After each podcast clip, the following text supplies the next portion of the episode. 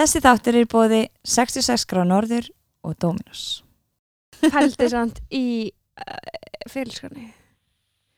Æ, já, ég fór bara að vinna í Össur og hérna, fekk sem bara halda áfram í Össur í Fraklandi. Fór sem bara til McKinsey, bara stærsta ráðgjafa fyrirtæki í heimi. Var hann bara þar í fimm ár. Já. Fór svo bara til Japan. Sko það sem ég er að hugsa með hana, þannig ástu fjálstæði, er hversu international bakgrunn hún hefur og hvað hún hefur og veist, líka bara það hafa verið að ferðast í 6-7 mánuði. Veist, allt þetta einhvern veginn, hvað það vinnur inn í hennar einhvern veginn viðskipta sens í dag, sko. 100% sko. Vó, við fórum bara beint inn í þessa kynningu. Já. Við varum sérst taka viðtal við Ástu Fjálsteð, Já. eh, frangtastjóra viðskiptrás Íslands og hún, já, eins og ég sagði, með bara svakalega félská ferðast út um allt og mér finnst það líka svona ég veit ekki, oft eru margir hrættir um að vera of lengi úti festast of lengi úti og komast ekki inn í, þú veist þetta Hún viðskipta er, svona, hún er heima. ennþá eins og einhver úlingu fyrir mér, sko. Þú veist, hún Já. er, skilur, hún er það ung, samt búin að gera svo ótrúlega mikið og fjölbreyttu hlutum og bara einhvern veginn stokkið á tækifærin og, og, og bú, mynda sér tækifæri líka. Hún er ekkit óhrætt við það að vera bara jæja, mm, þetta getur kannski orðið eitthvað. Ég ætla kannski að tala um þetta við einhvern og, og hérna láta þetta verða veruleika sem ég fíla svo mikið við karakterin hennar. Bila, bila bara svona trú á sér sko. Og, og bara eitthvað svona ævindir að þrá bara eitthvað, bara til Tókjó í eitthvað verkefni og já, enda svo bara með að búa þær þrjú ár. Fæða batni sittar já. og eitthvað, þú veist. Algjör, algjör snillingur og gott að tala við hana. Hún er hérna hún segir bara svona ung og fersk og, og örgulega komið svolítið svona nýja vitt inn í í viðskiptaráðið og starfsemi þess. Og verður gaman að sjá hvað hún mun tippla á næstunni. Mér finnst þarna ótrúlega gaman að taka þetta viðtal og fekk sjúkan innblástur. Og ég vona að þið kæru hlustendur gera það líka. Fjöl, mikil fjölbreytni í því sem hún hefur gert fyrst mér. Farið eitthvað út og Já, gerið eitthvað, Já. byllið eitthvað, gerið eitthvað öðru í þessi já. Sía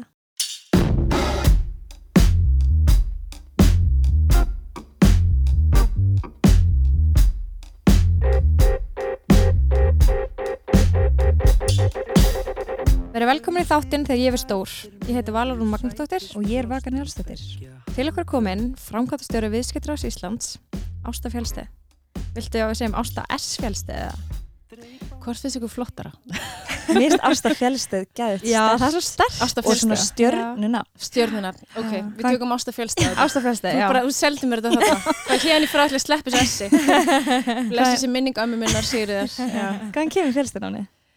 Fjölsteð er frá pappa Já. og hérna, ég er ekki góð ættfræði þannig ég fyrir alltaf á Íslandingabók til þess að fletta upp ef einhver spyrir mig hverjum ég er skild eða ekki. En ég held þetta sé svona eins og með mörg íslensk ættanöfn á þeim tíma þegar þótti fínt að vera með danst eftirnafn. Já, það hafi svona einhver fjallastaður verið danskaður og bara orðið Já. já, Já. Sniðugt. nákvæmlega. Hvernig, hérna, hvernig hefur það annars? Þú er bara mjög gott, góð á því. eðislegt að koma hérna til ykkar. Takk fyrir, takk fyrir að koma Hvað gerir framkvæmdastjóri viðskiptar á Íslands? Og veist, hvað gerir ráðið líka? Einmitt, það er hérna með þessi hagsmunarsamtök í atvinnlífinu þau eru nokkur sko. En við státum að því að við séum eldstu hagsmunarsamtökin á landinu. En það hjálpa samt yfirlega ekkert fólki að skilja neitt sko betur hvað við gerum. En við hétum verslunarmannaráði hérna, eða verslunaráð í gamla dag, við erum 100 ára batteri það fögnum 100 ára ammali 2017 þetta er í raun og veru bara félag kaupmanna, viðskiptamanna og annara bara gegnum tíðina sem að standa saman til þess að huga rekstrarumhverfi á Íslandi. Þannig bara að maður passi það að já, yfirvöld, ríki fari ekki alltaf inn á stað með einhverjar brjálæðislegar skattahækkanir eða, eða uh, komi á regluverki sem er á výþingjandi eða eitthvað sem að, eða tolli með öðru sem að, sem að aftrar uh, svona bara viðskiptum á Íslandi. Þannig að hlutverk mitt í dag, auðvitað náttúrulega breytist þetta um árunum, en hlutverk okkar í dag hjá viðskiptaráði, það er raun og veru áfram að- standa vörðum um okkar aðaldafélaga sem er um 220 talsins. Og þegar það koma inn lagabreitingar eða einhvers konar breytingar í viðskiptaumkörinu, þá er mikið leitað til okkar og við skrifum þá gjarnan umsagnir eða greinar og annað slikt, förum að fundi með ráþurum eða nefndum á þinginu og ræðum þessi mál fyrir hönd okkar félaga. Og þetta er náttúrulega svaklega skemmtilegt af því að maður kynnist einhvern veginn því hvað er að vera í alvöru viðskiptum og eiga í viðskiptum á Íslandi og hvaða hindranir eru eða hvaða áskoranir eru og hvernig maður getur unnið því að reyna beturbæta þetta umhverja allt saman. Og þitt svona daglega amstur, hvernig hljóma það? Já, við erum auðvitað með eh, stjórnafundi, það er stjórn viðskiptarás sem eru 38 manns, þannig að það er eiginlega þannig, ég, ég er með 38 yfirmenn, basically, sem eru bara allt leiðtöðar í íslensku viðskiptarlífi. Við vorum einmitt með fundi háttegin í dag og þetta er greiðlega skemmtilegt. Við erum líka með framkvæmda stjórn sem fer svona meira í svona dagleg verkefni hjá mér. Uh, ég skrifa greinar í blöðin, uh, ég er með ofbúðslega flott heimi af fólki hjá mér, hagfræðingum og, og, og lagfræðingum og samskipta aðla sem að svona eru með því að vinna þessu máli með mér og við bara tökum náttúrulega á helstu fréttum hvað er að gerast í umhverfinu og, og hvað mál eru fyrir alþingi og annað slíkt. En svo fáum við þetta líka inn á borð til okkar alls konar verkefni frá okkar aðaldafélögum sem við þurfum bara að fylgja eftir og svo erum við með málefnahópa, við erum að leggja til alls konar málefni sem okkur finnst mikilvægt í, í viðskiptalífinu. Til að mynda erum við með fjölbreytnihóp, þar sem við erum að íta undir fjölbreytni í viðskiptum á Íslandi. Það er nú ekki leiðilt að vera með formann viðskiptarás í fyrsta skipti í þessu 100 ár sem er kona. Það er Katrin Olga Jóhannesdóttir og hún er þetta algjör fyrirmynd og uh, hún hefur verið að keira þennan fjölbreytni hóp til dæmis áfram. Svo erum við efnahagshópin sem svona klassísk yfirferð á peningastefnu og við vorum einmitt í dag með áskeri Jónssoni, stælabankastjóra, sem að, og greiðlega skemmtilegt, mjög líflegu karakter er og. Ég held að sé umt uh, bara bjartir og skemmtilegi tímar framöndan hjá Sælabankanum. Við erum líka með uh, hóp sem að hugar að nýsköpun, gáum út uh, nýsköpunar heitt viðskiptarás, áskorunni til stjórnvalda, hvað er þetta að gera til þess að aðstáða og stiðja við nýsköpun á Íslandi, en við vorum líka með áskorunni til okkar sko eigin fyrirtækja, hvaða fyrirtækin á Íslandi geta sjálf gert, það þarf ekki alltaf bara að býða eftir hvað ríki gerir og það er nú stundu þannig að við erum aðeins ómikið að byggja alltaf um hvað ríki getur gert og, og stjórnmálamenninni. Við getum oft gert bara hlutina sko sjálf. Og svo er það fjórði hópurinn, við erum með umhverfishóp. Það er náttúrulega, lofslagsmálin eru bara, já, svona aðal málin í dag nánast, þannig að við erum auðvitað, viljum ekki láta okkar, svona okkar eftir liggja í þeim efnum og uh, vorum einmitt bara núna um helgin að halda verkefni viðskiptar ás sem að fjalla um lofslagsmálin og þar vorum við að leggja fyrir spurninguna uh, þessa þúsund tonna áskorun, nei afsakið, miljón tonna áskorun sem er í raun og veru áskorun uh, sem kemur frá Parísasáttmálunum um hvernig við eigum að minga okkar kólefnsspor á næstu áratöfum um, um þetta magn. Þannig að við erum líka að taka svona alls konar breytingum sem er eigast í stæði heiminum og, og tökum oft þetta fyrir sem ákveð hérna, þema á okkar stærstu fundum sem eru viðskiptaþing. Það er haldið í februar á hverju ári og það eru auðvitað svona mitt sem framkvæmdastjóra að, stýra þessari vinnu en auðvitað bara í, í samstarfi við stjórnina og mitt frábæra starfsfólk sem að bara er algjörlega ómyndilegt og frábært. Það er mitt frekar ungur hópur, við erum stundum kallið úlingarnir í, í húsi aðlýfsins en við erum alltaf bara með lang skemmtilegasta hópin og, og hressasta leiðu sko. Það er ekki ekki Það er líka hérna eins og við rættum við Byrnu bankstjóra að það er líka hluti af fjölbreytninni að hafa bæði kyn og allan aldur og, og svona þvekkfærlegt teimi Algjörlega, algjörlega. um, til dæmis eins og með verkefni sem að komu þú veist, sem þið fá að borð Já. eins og núna var verið að setja á hérna, með plastbókana að það má ekki selja eða, þú verður að selja alla innóta plastbóka í öllum búðum og verslunum Já. er það eitthvað verkefni sem þið fáið til dæmis og skoðið eða, eða Við- er það bara eitthvað sem að veist, það hefur mikil áhrif vantilega á viðskiptalíf Já, algjörlega. Sko, við, við veljum svolítið hvað slægi við tökum Já. og þar kemur að þetta hús atunlífsins sem ennir í borgatúni, þar eru mörg hagsmunasamtök og þá er kannski minni félög eins og samtök verslunar og þjónustu Mm. sem myndi taka slíkt meira fyrir en við okay. uh, en þetta er svona samráðskátt mm -hmm. hjá stjórnvöldum sem, þar sem við sjáum hvað að máli er að fara að koma fyrir hverju sinni og við veljum svolítið hvenar við tökum slægin og hvenar ekki Mhm. og við erum náttúrulega mjög mikið að taka stóru slægina, nú eru fjárlög sem liggja fyrir, vorum alveg að hakka þau í okkur. Erum að mæta á þingnefndafund á föstudaginn að hitta veist, þetta, er- þetta er ótrúlega skemmtilegt, maður er bara alltaf komin einhvern í, í aukssamband við þingmenn og, og, og það er ótrúlega gaman, það verður bara að segjast. Það er ekkert smá flott fólk sem er þar að vinna, sko. Mhm. mikið af svona mannlegum samskiptum og, og alls konar. Já. algjörlega, hendum okkur hræðspurningar Já. Búin að tæma hugan Ég bara veit ekkert hvað er að koma, en ég er bara tilbúin, sko. hvað finnst þér um morgumat? Havragraut, upp á snammi súkkulaði, besti escape staður Harribær, landfóreldri minna, hvað stjörnumark ertu? Vasperi. lindur hæfileiki Ég get staðið öðrum fæti útrúlega lengi. lag sem kemur í gýrin Uh, holiday, upp á kaffihúsi Reykjavík mokka. hvernig segir maður ég heiti Vaka á japansku Uh, Watashi no namae wa Vaka desu. hvert er svona þitt motto í lífinu? Ég hef alltaf verið köllu Pollyanna, ég er ótrúlega jákvæð, ég held að það komi menni alveg bara gríðarlega langt. styrli staðrindið þig? Styrlu staðrind. Mm, ætla að segja ekki þetta með að ég hefi sami spurningarnar í Viltjónu miljón. Já. það er bara styrlu starrend. þetta voru mjög erfiða spurningar og þú stóðst mjög vel Já. það var vel gert. Þetta En- voru svona, já, já, ok. það, það er ótrúlega fyndið að hafa verið að semja spurningar fyrir viltu, minna, vil, viltu vinna miljón ef fólk man eftir þeim þætti Já, Já. Þetta er svolítið langt síðan. Já. Hvernig fórst í það? Heru, þetta var semst þannig að það var svona verkfall eins og gerist að gengur annarslega í, í hérna á Íslandi. Og ég var í mentaskólum í Reykjavík og það sköpist þarna einhverjar sex vikur sem að mann hafði ekkert að gera en að geslepa og það var þarna eitt sem kannast við mig frá stöð 2 sem spurði hvert að ég væri ekki til að semja nokkra spurningar. Svo vatt þetta bara upp á sig og var bara eila, já, 100% starf heil lengi og svo held ég bara áfram þátt eftir þátt sko Það var greiðilega skemmtilegt, nema ég náttúrulega mátti ekki taka þátt í þættinum og enginn í minni fjölskyldu og þetta var svona já, já, það var svona svolítið já, Samlingsbundin hana. já, það var allir reyna að múta mér til þess að komast í þetta Já, ó, ég trúi ekki alveg, sko. Já. en ef við lítum svona aðeins tilbaka um, hvað vildur alltaf verða þegar þú eru stór?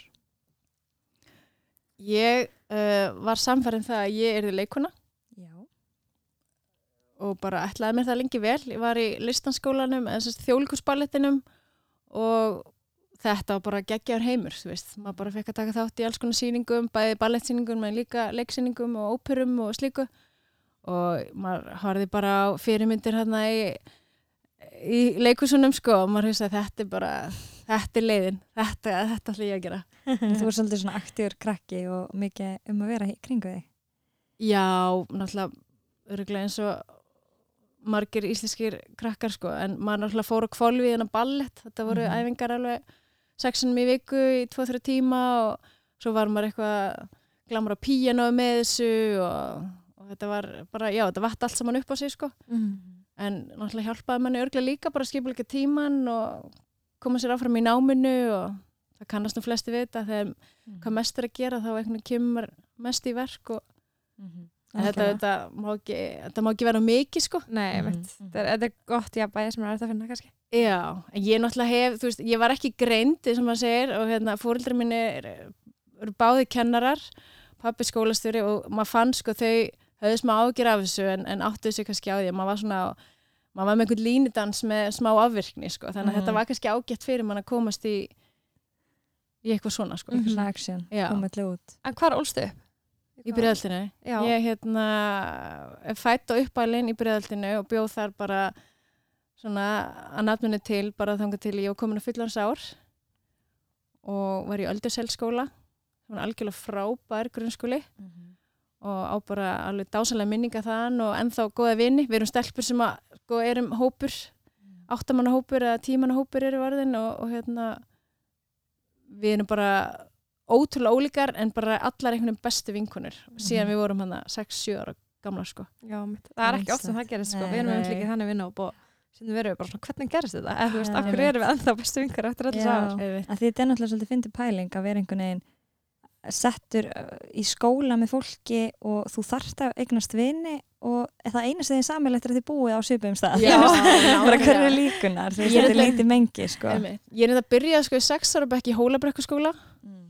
Þar sem mamma var að kenna og pappi var skólastjóri og þið getur rétt ímyndað ykkur bara strax Já. dóttir skólastjórans og ég segi bara, heyrðu, ok ég klára þennan vetur, úrslega fullorslegt Já, sex sex ára ára. barn klára þennan vetur, ok það er dýl, en hérna svo er ég bara farin og fór yfir í Öldisselskóla Já. það var bara Það er meira frelsi þar kannski. Trúi Já, því. ég var náttúrulega sko, ég var alveg prúð og góð, þið viti, svona eins og stelpur eru, en svo var ég svolítið fótboltastelpa. Þannig að ég var í því að spila fótbolta í fríminutum og spila stundum aðeins lengur heldur en fríminutnar og þú veist, þeir átt að taka strákarna á teppi fyrir að hafa ekki komið í tímana og þeir, þeir allt í nú uppgötaðist að ástasika var með í hópnum að þá ætlaður ekki að senda ykkur til skólastöru í þetta sinn, heldur næst þá voru strákunni brjálar þeir bara, já, þú varst ekki sendið skólastöru þegar þú ert stelpa, sko, þú veist, og þú ert ástasigga og ert svona, þú veist, þú ert svona prúð og góð stelpa, sko getur bara vitnað þaðan í hérna viðtala okkar með Möggupáli þar sem hún er bara að ræða þetta einmitt. Já, einmitt. að hérna hvað einmitt strákar er oft miklu meira skammaðir Miklu og það er bara eitthvað sem maður þarf að tjekka á, sko, já, Mhm. skoða betur algjörlega en í hvað mentaskóla farið? Ég fór í mannskólinn í Reykjavík Mm. og mér fannst bara þess að ég var að fara inn í svona einhverja já, ég væri að fara úr sagt, sveitinni í breiðhaldinu niður í bara big city, downtown Reykjavík veitir, mér finnst þetta geggja skref alveg bara, Tókstu bara strætó eða hvernig komstu þér á milli? Já, sko fyrstum sinn tók ég strætó mm. svo hérna tók maður alveg bílprófið og þið veitir hvernig pappar eru þeir svona, þú veist, hann ætla ekki að kaupa bíl handa mér en við vorum með svona auka bíl sem var svona stundum, hérna, ég fekk að vera með. Og hérna, þetta var Ford Mercury svona amerísk típa, frekar stór og mikill með hérna sjálfskiptingunni í stýrinu og svona. Strákunum fannst þetta náttúrulega alveg styrlaði bíl sko, alls konar ramastakkar og læti. Þannig að ég var á alveg frekar flott en kakka í MR sko. Já. En akkur fórst í MR? það var náttúrulega bara engin spurning um annað en að fara í MR sko. en hérna, reynda var mamma í Vestló og sýsti mig líka en bröðum minni var í MR og ég vissi bara að þar eh, veist, ég var bara æsti að fara að læra eitthvað verulega mikið, þú veist, bara eitthvað svona af alvöru. Mér fannst, mér fannst ég var hann svolítið svona leiða í grunnskóla, þetta var í smá svona hægagangi. Og maður hafði heyrt bara að MR myndi bara taka mann algjörlega í bakarið sem hann gerði sko Þú fegst það svo vildir. Þú veist með metnaðin inn í mentaskólan ekki, ekki félagslifið í, í huga Ég held að það séu fáið sem í MR fyrir félagslífið en að því sögðu þá náttúrulega auðvitað tók ég mikið þátt í félagslífinu. Varst enda að dansa þarna? Já, ég var svona hægt á þessum tímabúli, svona klassísku tími. Já. Ég var að hætta þarna í balletnum og klassísku píanói, fór yfir FIH í jazzin og var svona að fara að finna mig einhverju svona miðbæjar hérna, Mhm. típunni, ástasika svona miðbæjarótta, skilji. Þetta er mjög cool allt saman. En, en hérna, nei, ég, ég er, ég, sko, ég vildi aldrei neitt vera eitthvað að trana mig fram í MR, ég var svona, þú veist, bekkjarasmaður, var með í öllu, fannst gaman að, hérna, veist, taka þátt í öllu starfinu. En það var eiginlega ekki fyrir í fymta bekk sem, sem er þriði árið, eða var þá sko, þannig að búið að breyta þessu. Og þá var inspektor skólakostningar sem er þá sagt, formaður skólafélagsins í, í MR og þá var eitthvað búið að vera hveita mig til þess að að bjóða mig fram, ég var svona freka feimi við það en ákvaða fymtabekkjafundinum að ég myndi nú bara láta slag standa og segja bara ég byrði mig fram og það var hérna alls konar flott lið að bjóða sig fram og ég var ekkert að gera mér mikla vonir. Nema hvað að hérna ég vinn þessa kostningar undan kostningarnar og ég mati að það var strákur sem bauð sig á móti mér að hérna, hann var sko fekk næst flest steg eftir mér. Hann var eitthvað skrítin á svipin og horfði á mig og hérna var greinlega ekki sáttur sko. Og við sko, þurftum að etja kappi hérna í kostningunum eftir á. Og það fór nú svo að hann vann mig í þessum kostningum en það fyndna við þetta er að, að hérna, 12 ára setna þá erum við náttúrulega orðin- orðin par sko. við erum, erum uh, hjón í dag og erum þau börn og hérna, það var svolítið langur aðdurhandi en þú veit, stundir snúast bara spilin í höndunum á manni og maður bara þú veist, lífi Ok, gerist Þetta er hrindin Voruð þið saman í bekk eða bara saman í Nei. árgang? Já. sama árgangi Já. hann hefði farið eitt á til Japan og komið aftur þannig ég þekkt hann ekki, hann þekkt ekki mig hann vil meina að fyrst skipti sem hann hefði tekið eftir mig var á þessu fundi og hann hefði sagði bara þú veist, hver í afsakið er þetta. Þannig, að, hérna, þannig byrjaði það. Salli afstæðsæða. Já. Svo ferðu beint úr MR í, í DTU eða tekur þér eitthvað Ég sko, ég var á Elsveirbraut í MR og það er bara svona ákveðin heila þvottur í gangi og maður bara eldi allt liði og fór upp í Háskóla Íslands. Uh, þá var ekki HR, sem með verkfræði. Ég fer í verkfræði, tek fyrsta ári í sko, vélaverkfræði. Og ég man bara eftir ég sat á vaffir tveimur fyrir þá sem þekkja það svæði og ég hugsaði bara, vá, ég er aftur að mygla hérna, ég bara, ég nenni ekki að vera hérna. Og frábært fólk, þú veist, það voru skemmtileg kvöld, bjórkvöld og alls konar en ég bara, mér fannst ég vera einangrið eitthvað neginn og vera bara litla Íslandi með úttrána mína og hérna ákvað bara að ég var enda komin inn í Karlsruhe, Þýrskan háskóla, áttlega að fara að læra verkfræði þar og ég segi, það, það er bara ennþá verra. Þannig að hérna, ég vatt hvaðið minni kross og fór til Suðfraklands fór til, það heitir Aix-en-Provence og fór bara að læra frönsku og tók stjórnmálafræði og fjölmálafræði í svona bland við frönskuna. Bjó hjá einna alveg snar klikkari fransku konu sem að vildi meina að hún talaði ekki stakt orði í ennsku þannig að hún kendi mig bara frönsku og let mér læra og ég bara var hjá henni og bara svitnaði dag hvern hann í marga marga mánu þannig til að ég var svona orðin já, nokkuð nokku fær í frönskunni.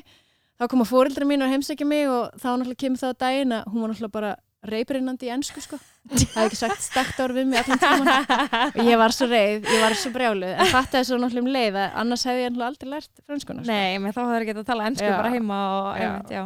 En var námið á ennsku eða fransku? það var fransku, það var alltaf fransku Já, ok. og hérna, þetta var frábær skóli en svo var þetta bara gaman líka þetta er bara Já. að taka þetta ár og læra þetta eitthvað vín og þú veist, vera í Suð Fraklandi og bara aðeins að fá smá útrás fyrir að einhvern veginn, gera eitthvað allt annað heldur en að vera í svona einhverju þungri skólagöngu sko. Mhm. En það er samt alveg svolítið hefi að fara í, í þetta nám í, á frönsku að Já. kunna ekki frönsku Já, já, auðvitað, þú veist, sumi taka sér svona misalvarlega en þeir sem þekkja mig þeir vita að ég tek hlutan mig mjög alvarlega þannig að ég var alveg með þetta svona í góðu blandi sko. það var lært mikið og vakað mikið og það var að skemmta sér og maður hafði náttúrulega bara endalus orku sko. Já.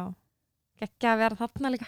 Staðir. bara gott veður og þú veist keirum allt sögur Frakland og kynast endalstaliði og þetta var bara og ég á marga góða vinna þetta í dag frá þessum tíma sko. Já. og rótúrulega skemmtilegt En svo heldur áfram í viljavarkvæði í DTU. Já, ég sem sagt hérna var á leiðinni heim bara eftir þetta ár, mamma og pappi náttúrulega í sjokki, ég skildi að hafa hætt í verkfræðinni ég bara, yngsta barni bara búið að klúðra ferlinu sko. En hérna uh, á leiðinni heim þá er góði félagi minn sem að bendi mér á braut í Danmarks tekniske universitet DTU og segi bara ásta þetta er algjörlega þú, af því ég er svona fyrir að krassa og teikna og er svona mikið fyrir að hafa hlutina sjónræna og þar var deild sem hétt Design og Innovation um, sem er ennþá til í dag og frábær, hérna, frábær leiði gegnum verkvæðina og ég sótt um, komst þar inn þannig ég fór eiginlega bara strax til Danmörkur eftir Frakland og ég svo bara kom ekkert eða sem sagt fór ekkert frá Danmörku í nánast nýju ár sko, ég var eiginlega meira að minna þar með nokkrum smá hérna breyki á milli þar sem ég fór til Fraklands en ég bara tók grunn á mið og svo mistarinn á mið og allt það núti það var bara algjörlega geggjað. En af hverju ferðu í verkvæðina á þess átt? ég hérna, mér langaði alveg í læknisfræði sko en ég vissi bara að það væri svo rosalega langt nám og mikill lærdómur og svona utanbóka lærdómur sem að er ekki mín sterkar hlið. Og tölurnar lágu betur fyrir mér eðlisfræðin, starffræðin, efnafræðin. Þannig ég hugsa að það væri svona léttasta leiðin fyrir mig gegnum háskóla. Þannig ég tók það og vissi bara að það er svolítið óræðið svona hvað ertu sem verkfræðingur, hvað ertu að fara að gera. Það er ótrúlega fjölbreytt.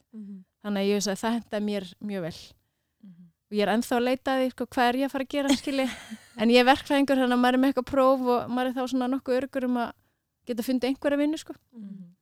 en svolítið svona praktískum ástæðum líka og, og þannig. Já, já, svo kannski hef ég líka verið fyrir það að velja mér leiðir þar sem að mm, samkeppnin er öðruvísi þar að segja, það eru, það eru færri stelpur í verkfræði. Þú veist, þá er maður strax komið startspila hendi. Ég er alltaf að hugsa hvað er, hvað er besta leiðin. En, hérna, en auðvitað frábært á Íslandi þar eru svo marga kunni verkfræði það er algjörlega til fyrirmyndar. En Erlendis þá er þetta meira svona já, ertu verkfræðingur, það þykir svolítið svona spes. Og mér fannst það hjálpa mér, kom mér áfram en svo fannst mér þetta líka bara gaman sko, það var Mhm. alveg ríkulega skemmtilegt.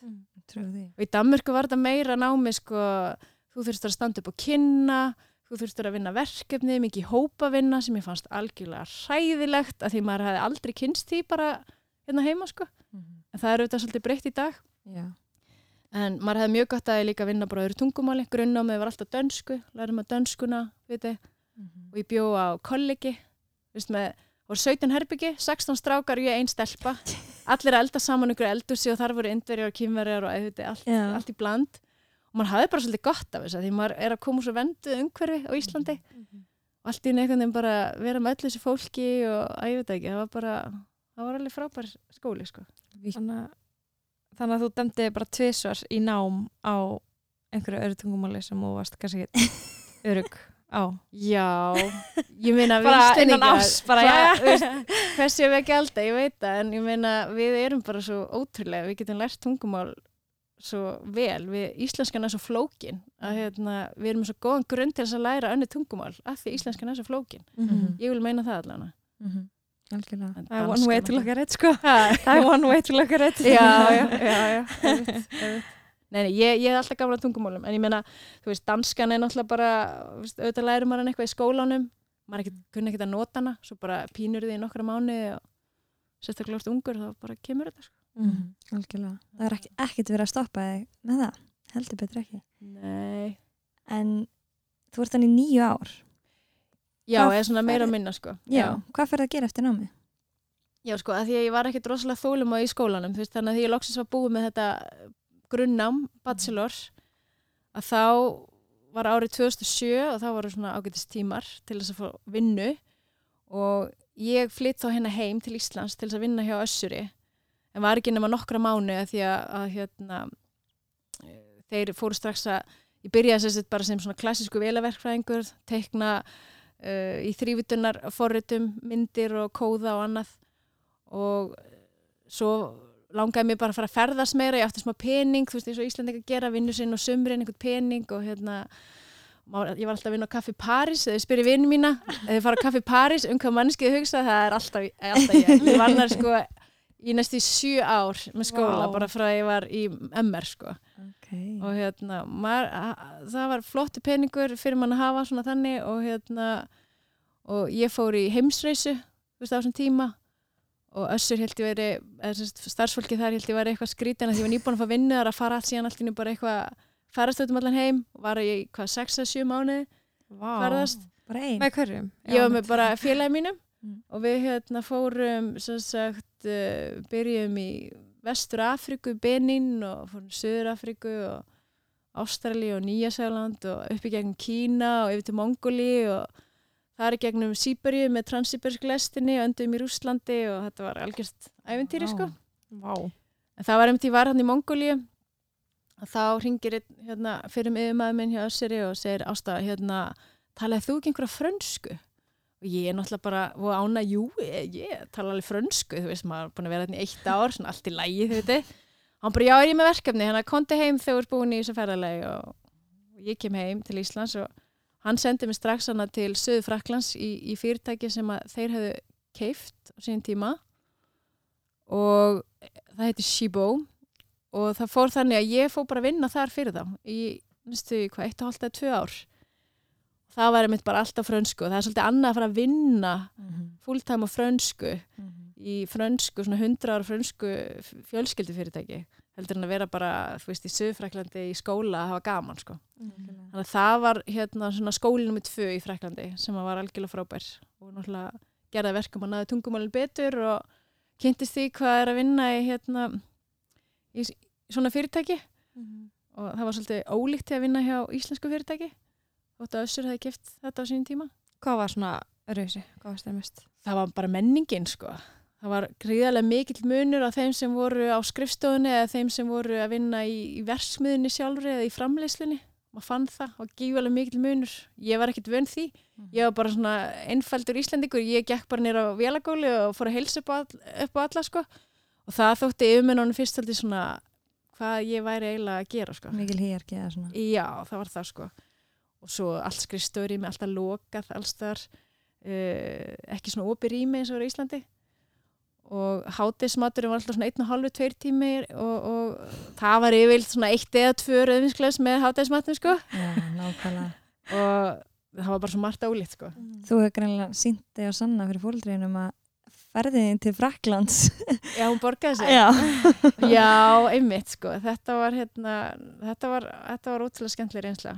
En hérna, en svo áttaði ég mig á því að því ég var búin að vera þarna í svona kannski, já, þetta var að vera tvö ár að það myndi kannski stoppa á einhverjum tímapunkti í svona, í svona á svona ferli ef maður væri ekki með masterskröðu þannig að þá fyrir ég að huga því aftur að fara í skóla.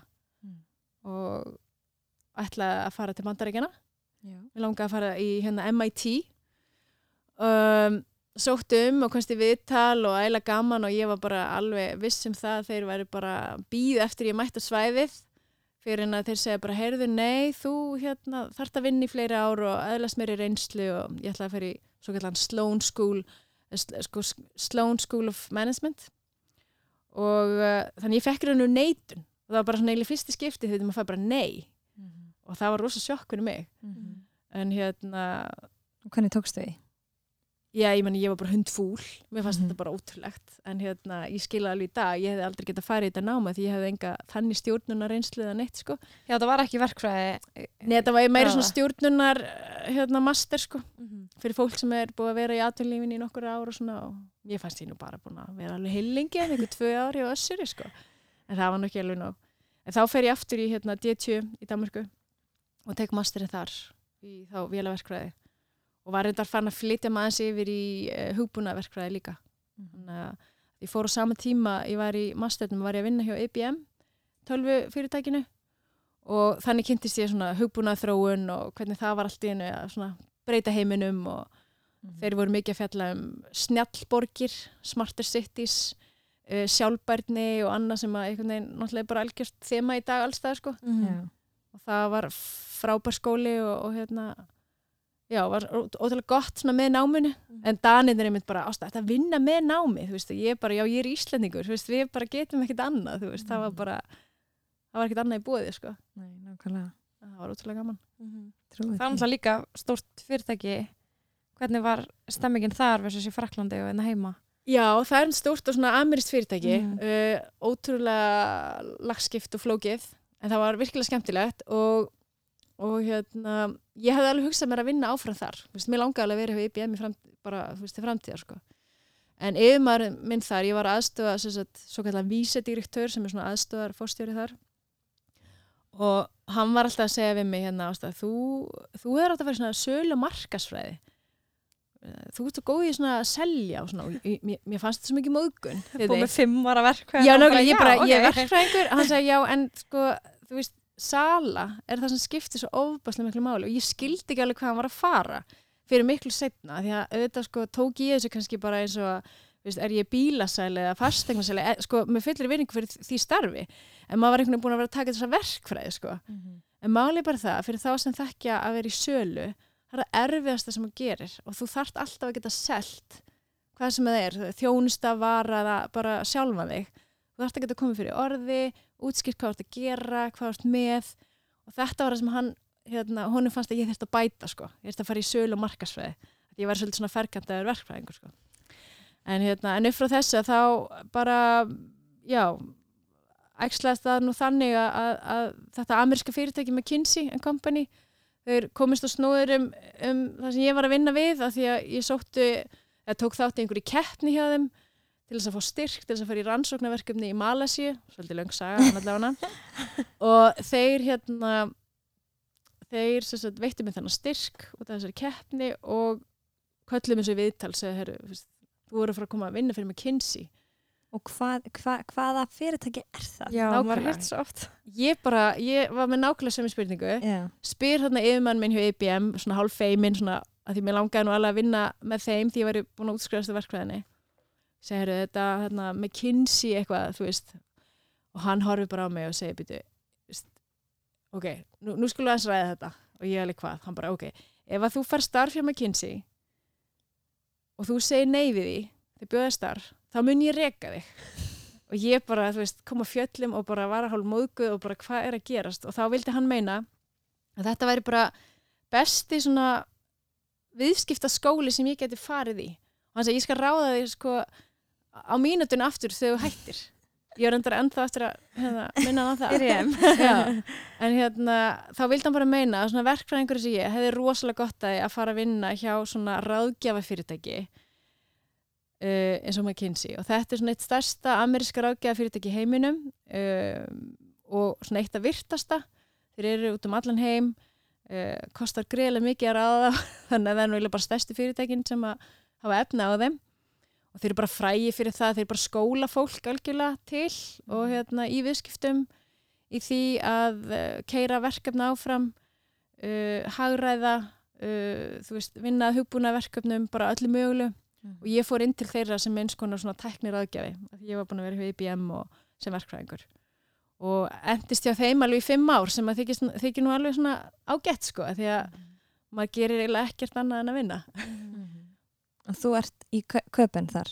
Já, ég byrja í kaupmannhöfn hjá þeim í tvö ár en þetta er þannig starf að þú ert til aldrei þú ert til aldrei á sama stað það er alltaf verið að senda þig hinga og þanga þetta er svona ákveðin leið til þess að þú bara ferða eitthvað stað sem þekkir ekki neitt og hefur ekkert annað að gera en að vinna. Þetta er mjög snjált en, en ég fann gaman og þú veist, þú ert ungur það bara er þetta alveg geggja sko. En ef kannski úr komið fjölskyldu þá er þetta aðeins flóknar og erfiðara. En um, það var nú einmitt hjá þeim sko eftir tvö ára þá eh, fór ég svona að hafa áhuga á Japan sko. Það var hann að gammal félagi hana, sem var að bjóða sig á móti mér í inspektorskóla sem var, var búin að vera í Tókjó svolítið lengi og ég var að svona heimsækja hann en ég vildi nú meina ég var að heimsækja aðra líka japanska vini mína sem ég hef kynst í Fraklandi og svona.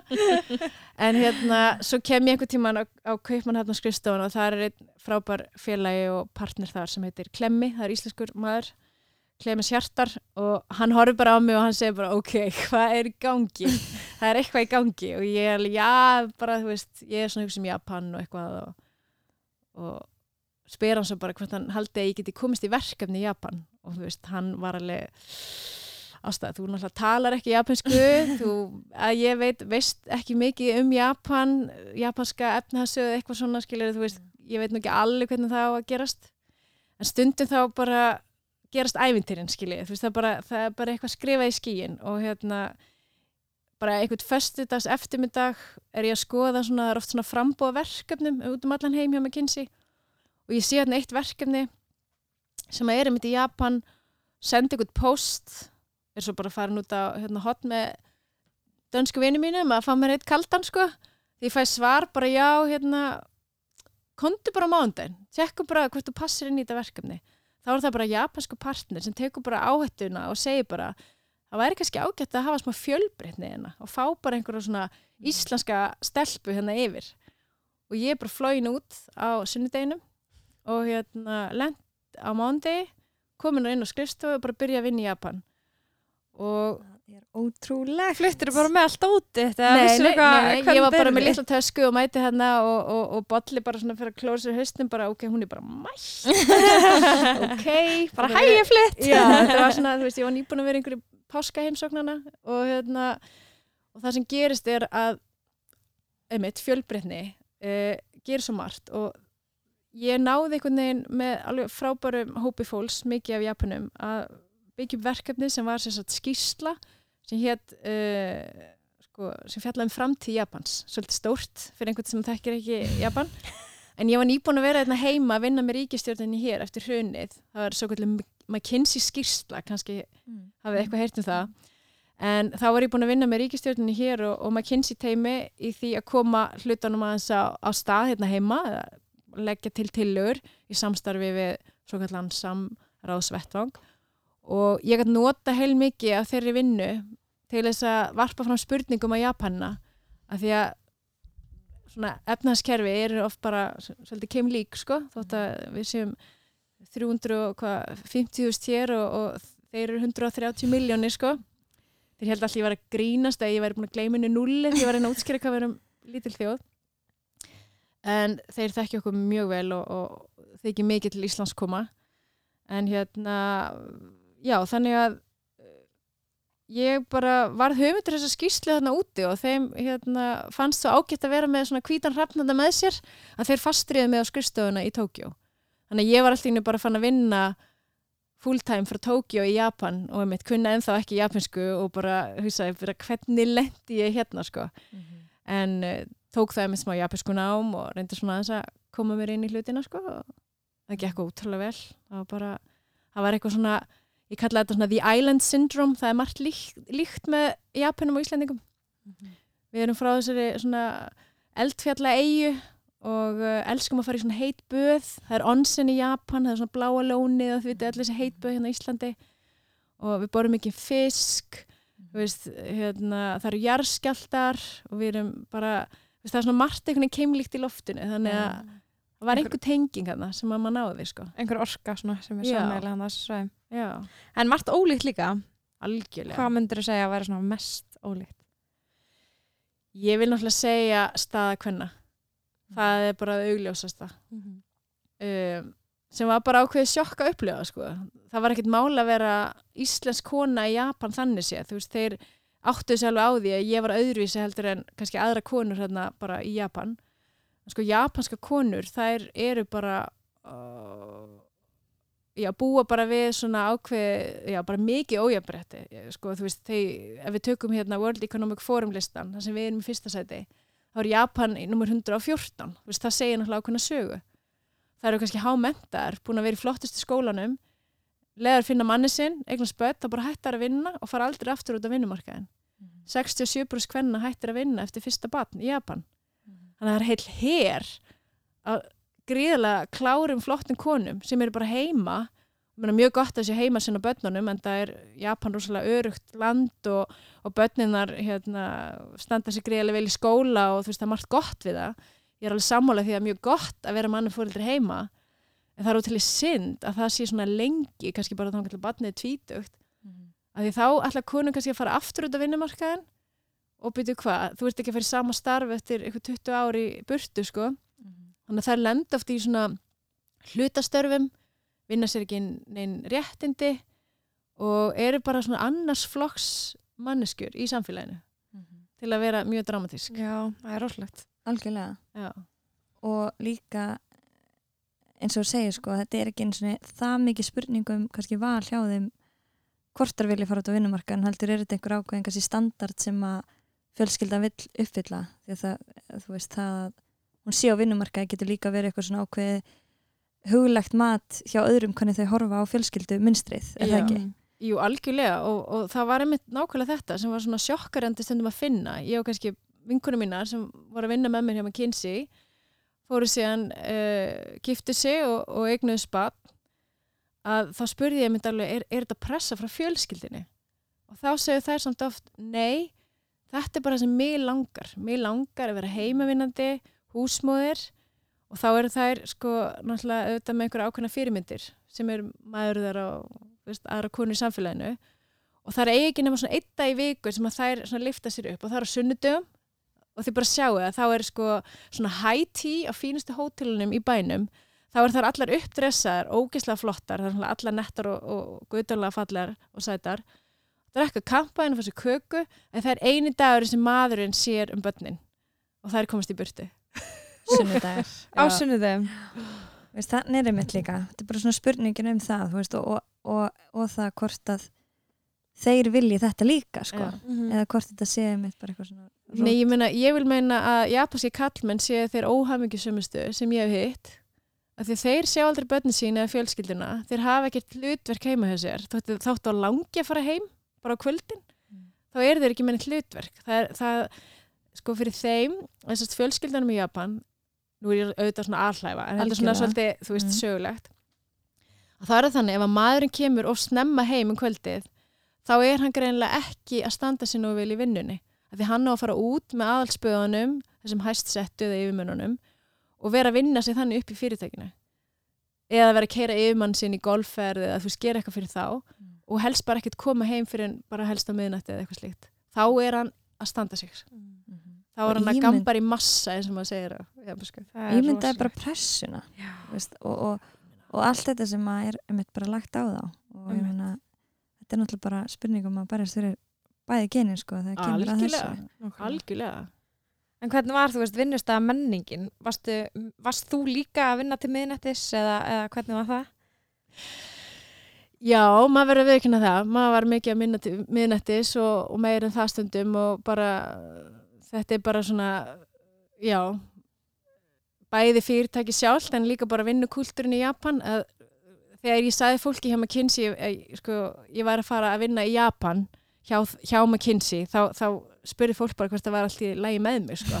Að því fyrir er mikill vinnutími hjá þessum ráðgæðafyrirtæki en hann er sko hvað vestur í Japan og Suðukóru þannig að þetta var svona öfgakendasta myndin sem að maður prófaði og stundum auðvitað var mann algjörlega ofbúið en að sama tíma, þú veist, það er allir að vinna saman það er allir í þessum gýr þú bara einhvern veginn gleymir þér í þessu. Þú veist, þú ert ekki með fjölskyldið þú ert ekki, þú ert bara að hugsa um sjálfaði basically, en það er ekkert mikil tími til þess að ringi fjölskyldina eða halda sambandi við vini og annað sko. Þannig að hérna, þetta er svona ég segi bara, gott að taka svona smá tímabil, kynast þessu en, en ég myndi ekki vilja vera í þessu alla æfi, sko.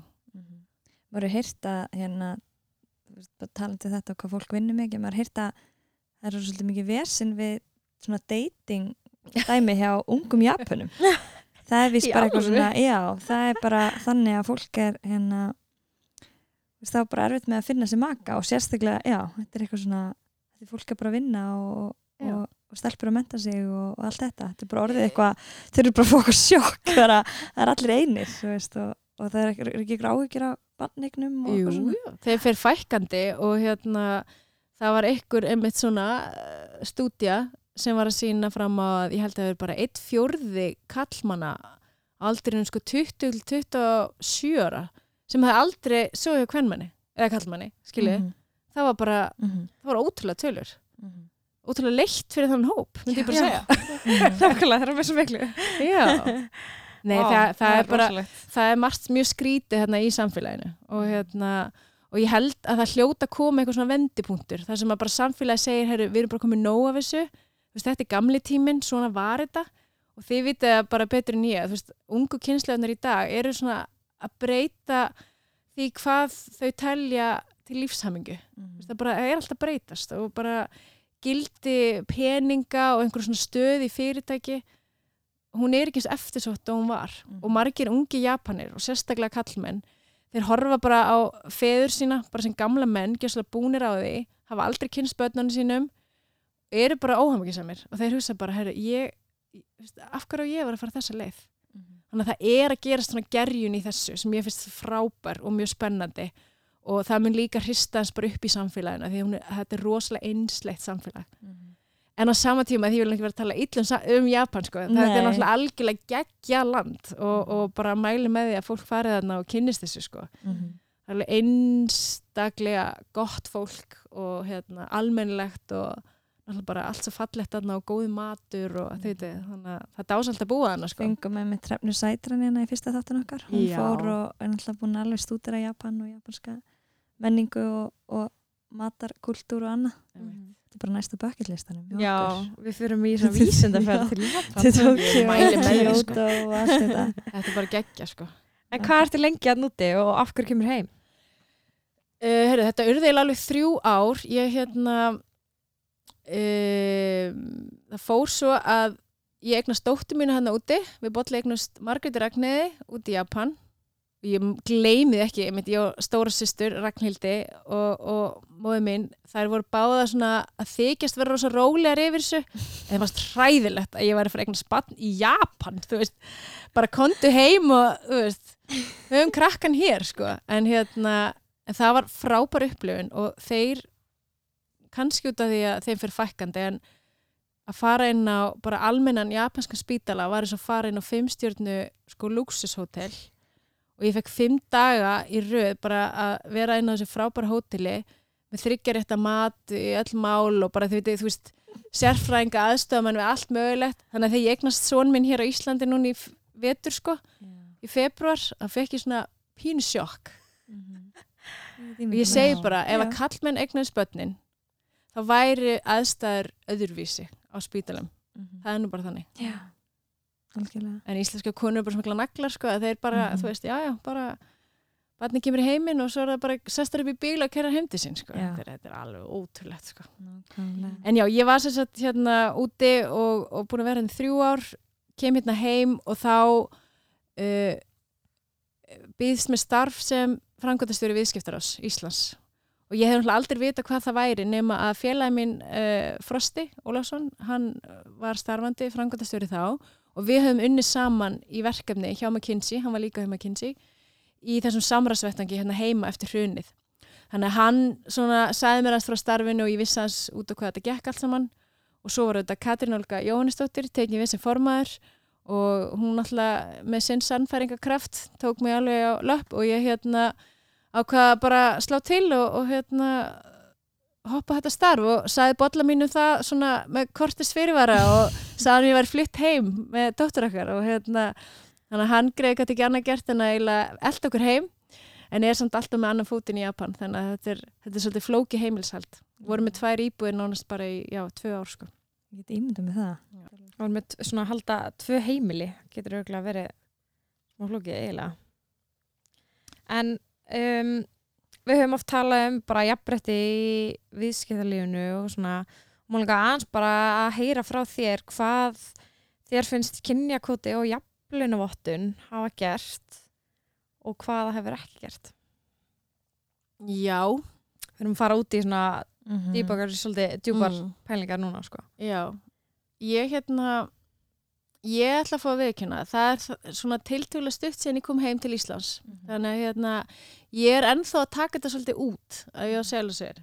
Mér finnst bara auðvitað til fyrirmyndar þegar uh, stjórnveld standa því að veri sé að hlúa að jafnbreytta þann hátt að að að tryggja að það verði í raun og veru. Um, það eru þetta ekki viðurleg við þessu þar að segja að, að þó að kynjakótin uh, fyrirtæki uppfylla ekki þau skilir eða þá það er ekki viðurleg við þau en það er svona mælt með því. Og ég tel að það sé bara skrefir rétt að átt veist, það þarf, þarf svona að íta hlutunum og, og svona eh, þvinga þá svolítið til að byrja með til þess að maður byrja að skinja þá sem eðlilega. Þannig að ég tel að mörguleiti þá sé þetta mjög gott. Og auðvitað náttúrulega ef maður horfir á Ísland utanfrá félagmanns bara erlendis sem horfir til Íslands og segja vá, veist, er ég komið jafnluna vottun, þú veist, þetta er náttúrulega bara magnað, magnað fyrirbæri sko og algjörlega til fyrirmyndar.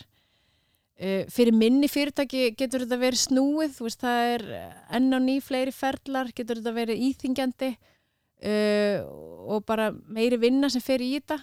En mér heyrir svona á þessum stærri fyrirtæki sem eru búin að gangi í gegnum þetta, þetta er bara verið mjög góð tiltækt og, og sangjöld þannig að ég sé ekki annað en þetta sé bara þið besta mál sko. En það er bara svona almennt þá er auðvitað bara skortur á því að, að við séum með þetta eðlilega jafnvægi sem ætti bara að vera. Þetta, þetta byrja bara svo snemma þetta breytist alltaf hægt. Þannig að maður heyrir alltaf nýja kynslu að tala um þetta og ég er í hópið þar sem eru eldri kynslaður og, og maður heyrir bara einhvern veginn sama tónin í gegnum kynslaðunar þannig að er þá ekki bara um að gera að reyna um þetta að nota einhver svona tólatæki til þess að sjá hvort að það breyti myndinni sko. gera eitthvað í þessu Já, Algjörlega. Nákvæmlega. Mér langt svolítið að tala um eitt skemmtilegt myndband sem að tengist líka að þessu að því að við sáum myndbandaðir á netinu sem Já. allir geta séð með, með þína litlu stelpu í fanginu að hérna tala um sérst, fyrirlestur sem að þú varst með á World Trade um, svona rástefnu já, um, sérst, mál sem tengjast uh, skýslu sem heitir Woman Mat- Matter Woman Matter er ekki Mm. mm. sér rétt Mhm. hvað hérna, hvað varstu svona aðalega að tala um á þessum fundi? Getur hann svona sagt okkur á því? já, sko, þetta var náttúrulega smá svona eins og uppsett atrið, þú veitir.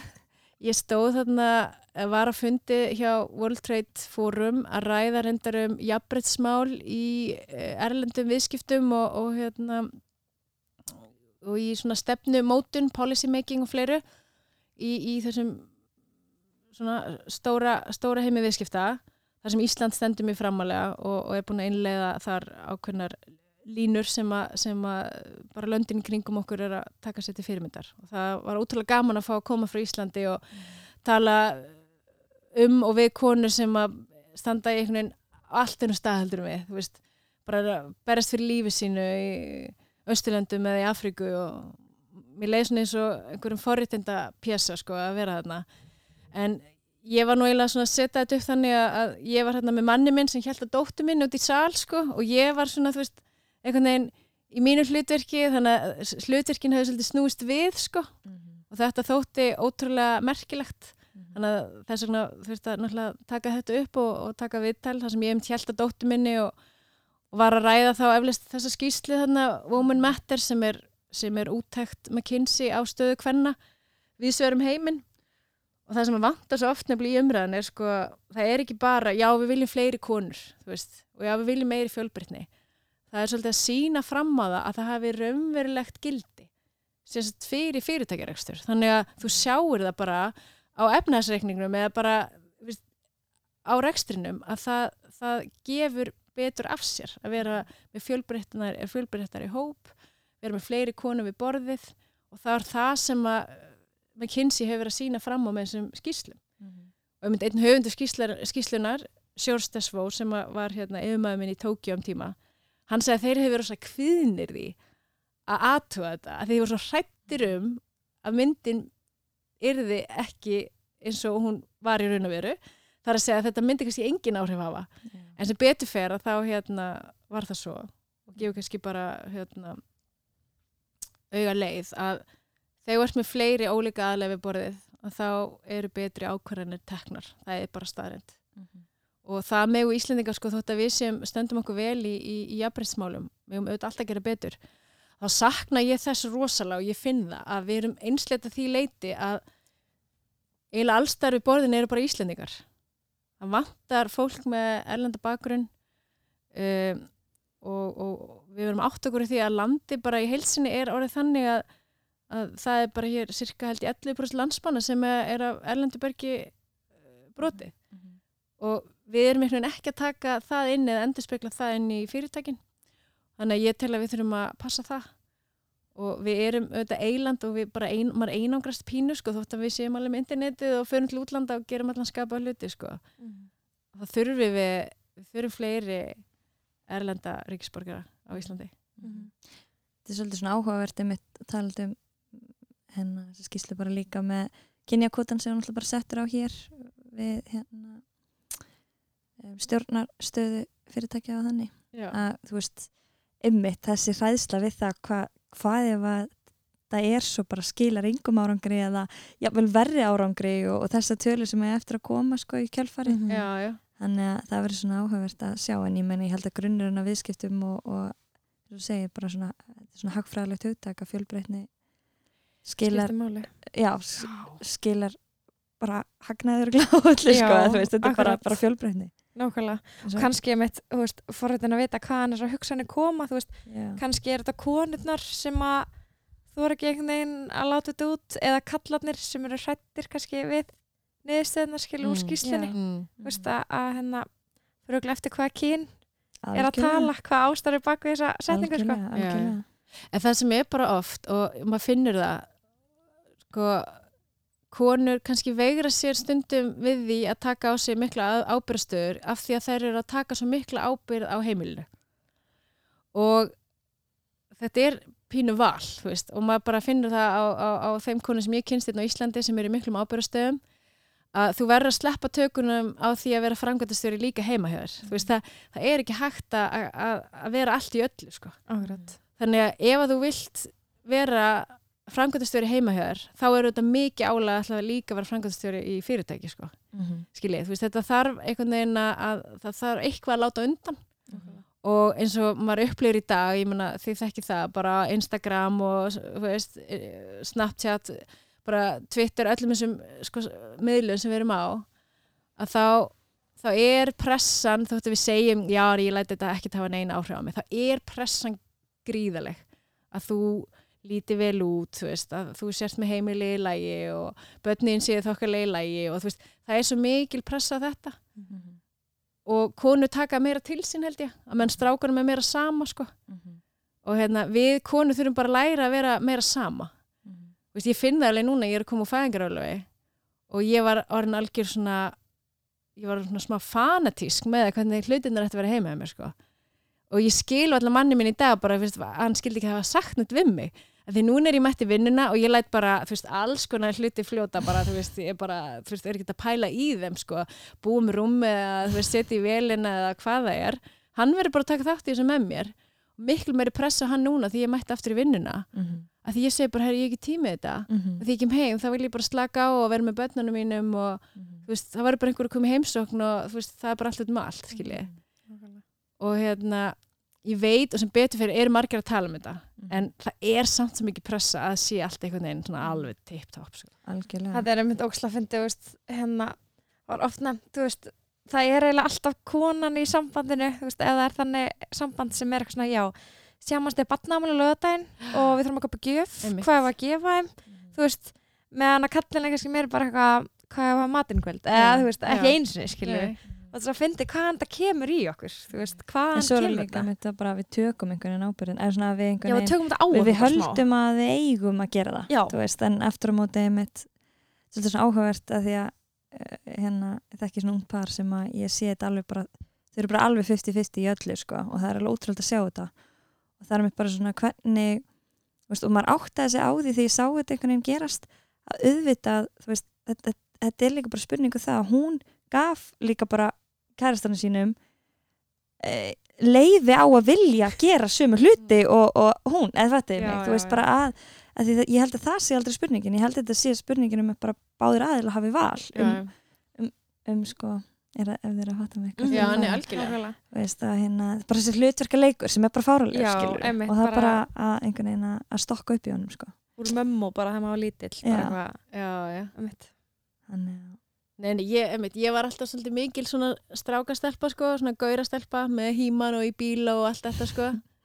og hérna, ég vil meina, þú veist að við erum sm- smá gaurar í okkur, sko. Við má haldi gaurin, sko. Við erum Mhm. alltaf svona, má vera með smá gauraganga, má vera með smá læti, en auðvitað erum við líka bara mismönda upplæði, þú veist, bara konur og kallmenn eru bara ólík og, og maður breytir því ekkit auðvitað en við getum samt stjórnaði við konur að því leitinu til að, að sko meðvita reyna að slaka á þessum kröfum og hérna hugsa betur um sjálf okkur. Mér finnst til og með hræðilega niðurstöðu núna sem er að sína það að konur eldri en 50 eru sá hópu sem fyrir hraðast vaksandi sem öryrkjar í landinu.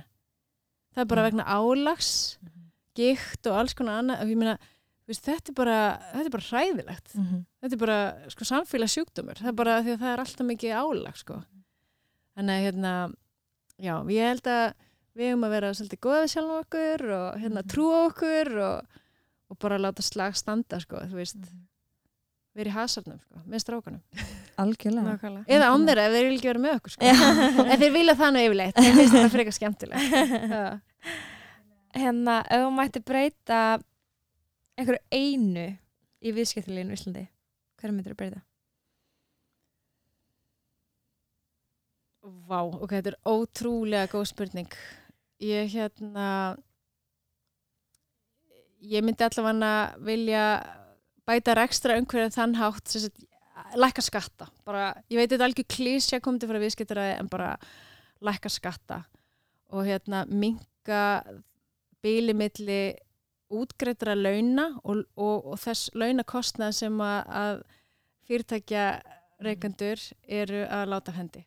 Það er bara styrlað við höfum tekið þetta samastundum sko, segjum að þú ert með starfsmann sem fær halva miljón í laun 500.000 við komum til starfsmæður sér kannski svona 340 skall af því á meðan sko atvinnureikandinn er að borga svona 740 skall. Veist, það er 400 krónar munur svona milli. Þú veist, þetta er bara, þetta er ekki í lægi þannig að maður skilur þá sem eru að byggja um hærri laun en fyrir atvinnureikandur þeir eru bara að kapna þeir, bara, þeir get ekki greitt hærri laun sko algjörlega. Þannig að hérna, hvatin til þess að fara í, í rekstur á fyrirtæki, hann er ekki nógu mikill á Íslandi. Þetta er bara rosalega erfitt.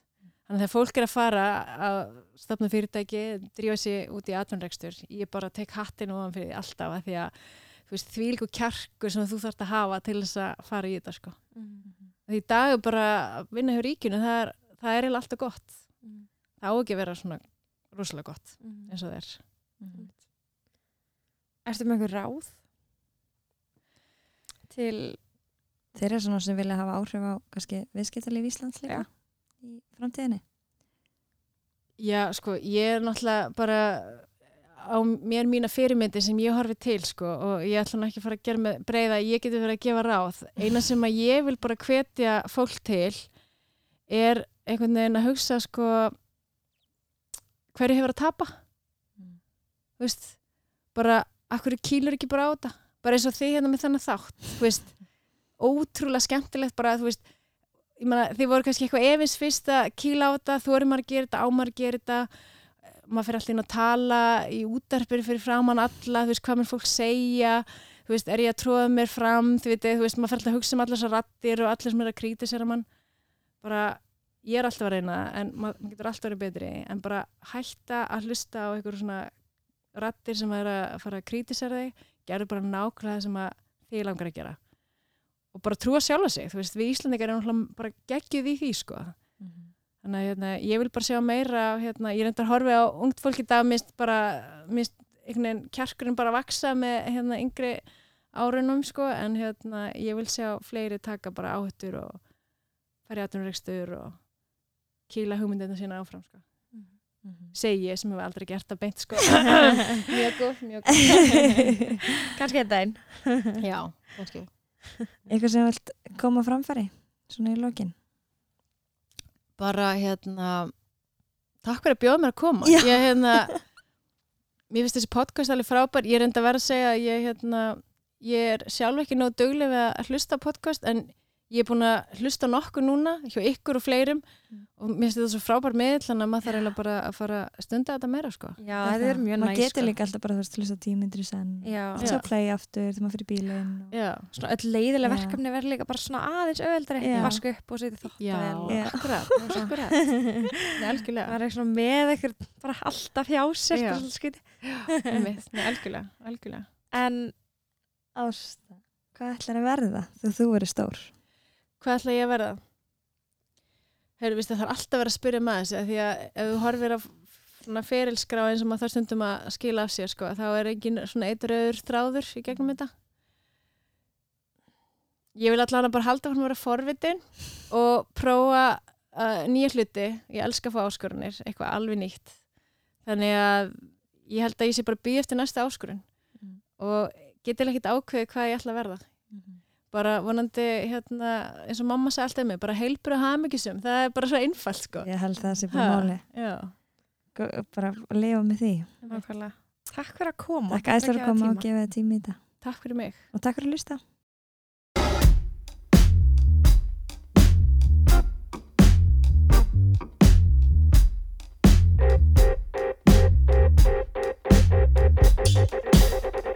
Þau sitja eftir með auð sætispláss til beggja handa.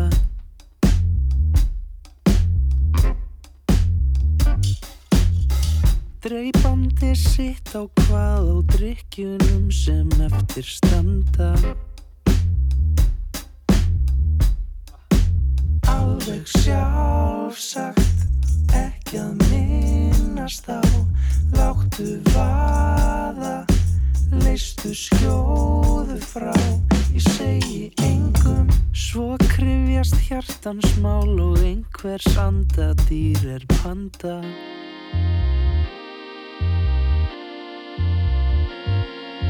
Trún og trún á, við kinn þú og ég og einhver vinnu þinn. Trún og treyna, trún og viðhalda Nóttin naumast orðin viðhalda Trún og trún á, við kinn Þú og ég. Og einhver vinur þinn Trún og treyna, trún og viðhalda Nóttin naumast orðin viðhalda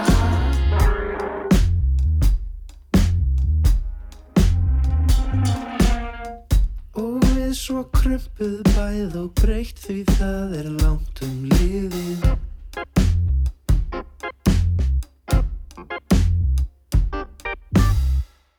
Og hundruð hunda ára hafa okkar daga drifið